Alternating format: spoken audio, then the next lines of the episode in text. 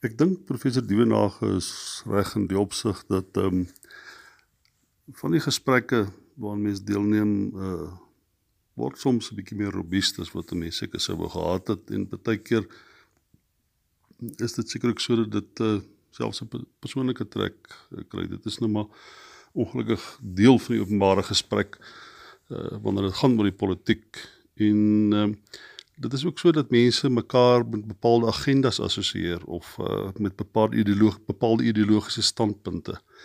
En dat 'n mens dan nou reaksie lewer eintlik op daai noem dit nou maar daai headspace daai agtergrond van daai bepaalde persoon. En professor Dievenage uh, word gesien as 'n baie konservatiewe persoon baie konservatiewe kommentaar uh akademikus hy word gesien as iemand wat baie konstruktiewe kommentaar lewer. Hy word verbind met dat hy baie naby aan die Transvaalse Landbouunie is dat hy baie naby aan die Institute for Race Relations is. En dit is dis ideologiese standpunte wat wat uh, wat saam met die gesprek kom of saam met sy kommentaar kom. En ek dink mense verkeerdelik seker dink ek. Ek dink is heeltemal reg om te dink dis verkeerd.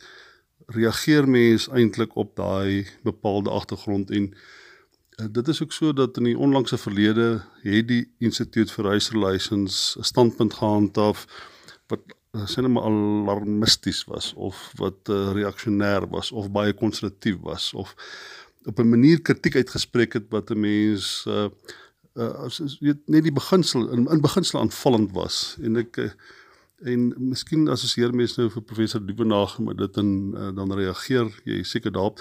Dit sou gehelp het as hy in sy gesprek op RSG sy feite reg gehad het en selfs sy inskrywing op Facebook.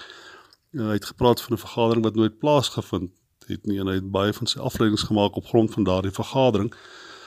Uh en hy het uh voorsien dat die dat president Ramaphosa se politieke oorlewing aan 'n baie dun draadjie hang na aanleiding van die gesprek wat daar plaasgevind het en ek dink hy het intussen erken die gesprek het nooit plaasgevind nie of dat daardie vergadering na waarna hy verwys het het nooit plaasgevind die uitvoerende komitee vergadering So ek ek dink as 'n mens 'n fout maak en jy word met 'n bepaalde ideologie geassosieer, dan kan die reaksie op jou waarskynlik effens meer noem dit maar skerp as jy wil wees as wat normaalweg is en veral as jy dit uh, consistently doen, hè, jy jy hou by jou punt.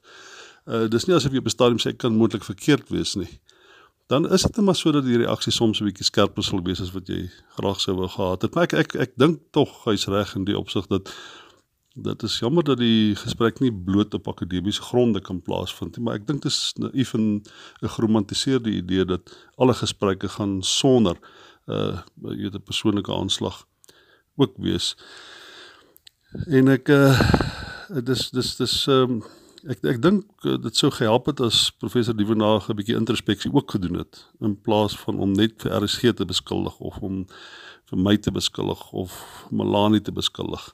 En ek dink ek en Melanie is albei dink ek uh, ek wil nie namens haar praat nie, maar my oordeel oor haar is dat ek dink ja, miskien was sy besonder skerp geweest en miskien was ek uh uh weet dit ek uh, gefokus op uh professor Dievenage se agtergrond eerder as wat hy gesê het, maar ek het gedog sy feite is verkeerd en die invalshoek van hom is ook verkeerd.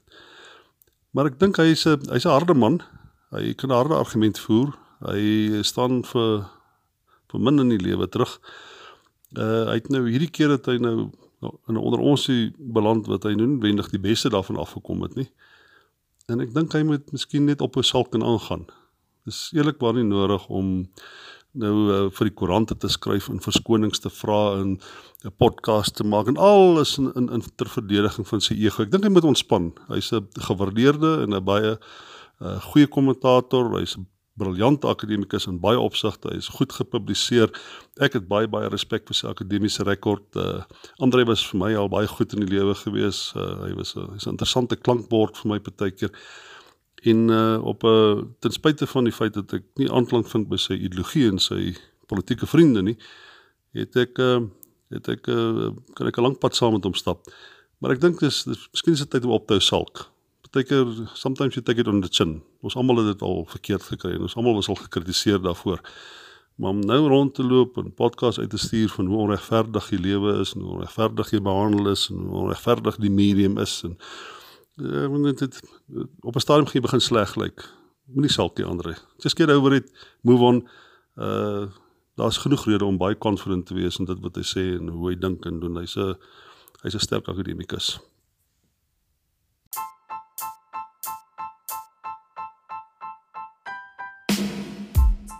Plaas jou geld sake in die hande van Nandi Erasmus, 'n geregistreerde finansiële deskundige by Sanlam. Haar dienste sluit in omvattende finansiële beplanning, beleggingsbestuur, welvaartskepping, boedelbeplanning, sakeversekering en koopooreenkomste. Bel haar vandag nog vir deskundige finansiële advies by 082 569 1948 of stuur 'n e-pos na nandi@sanlamforyou.co.za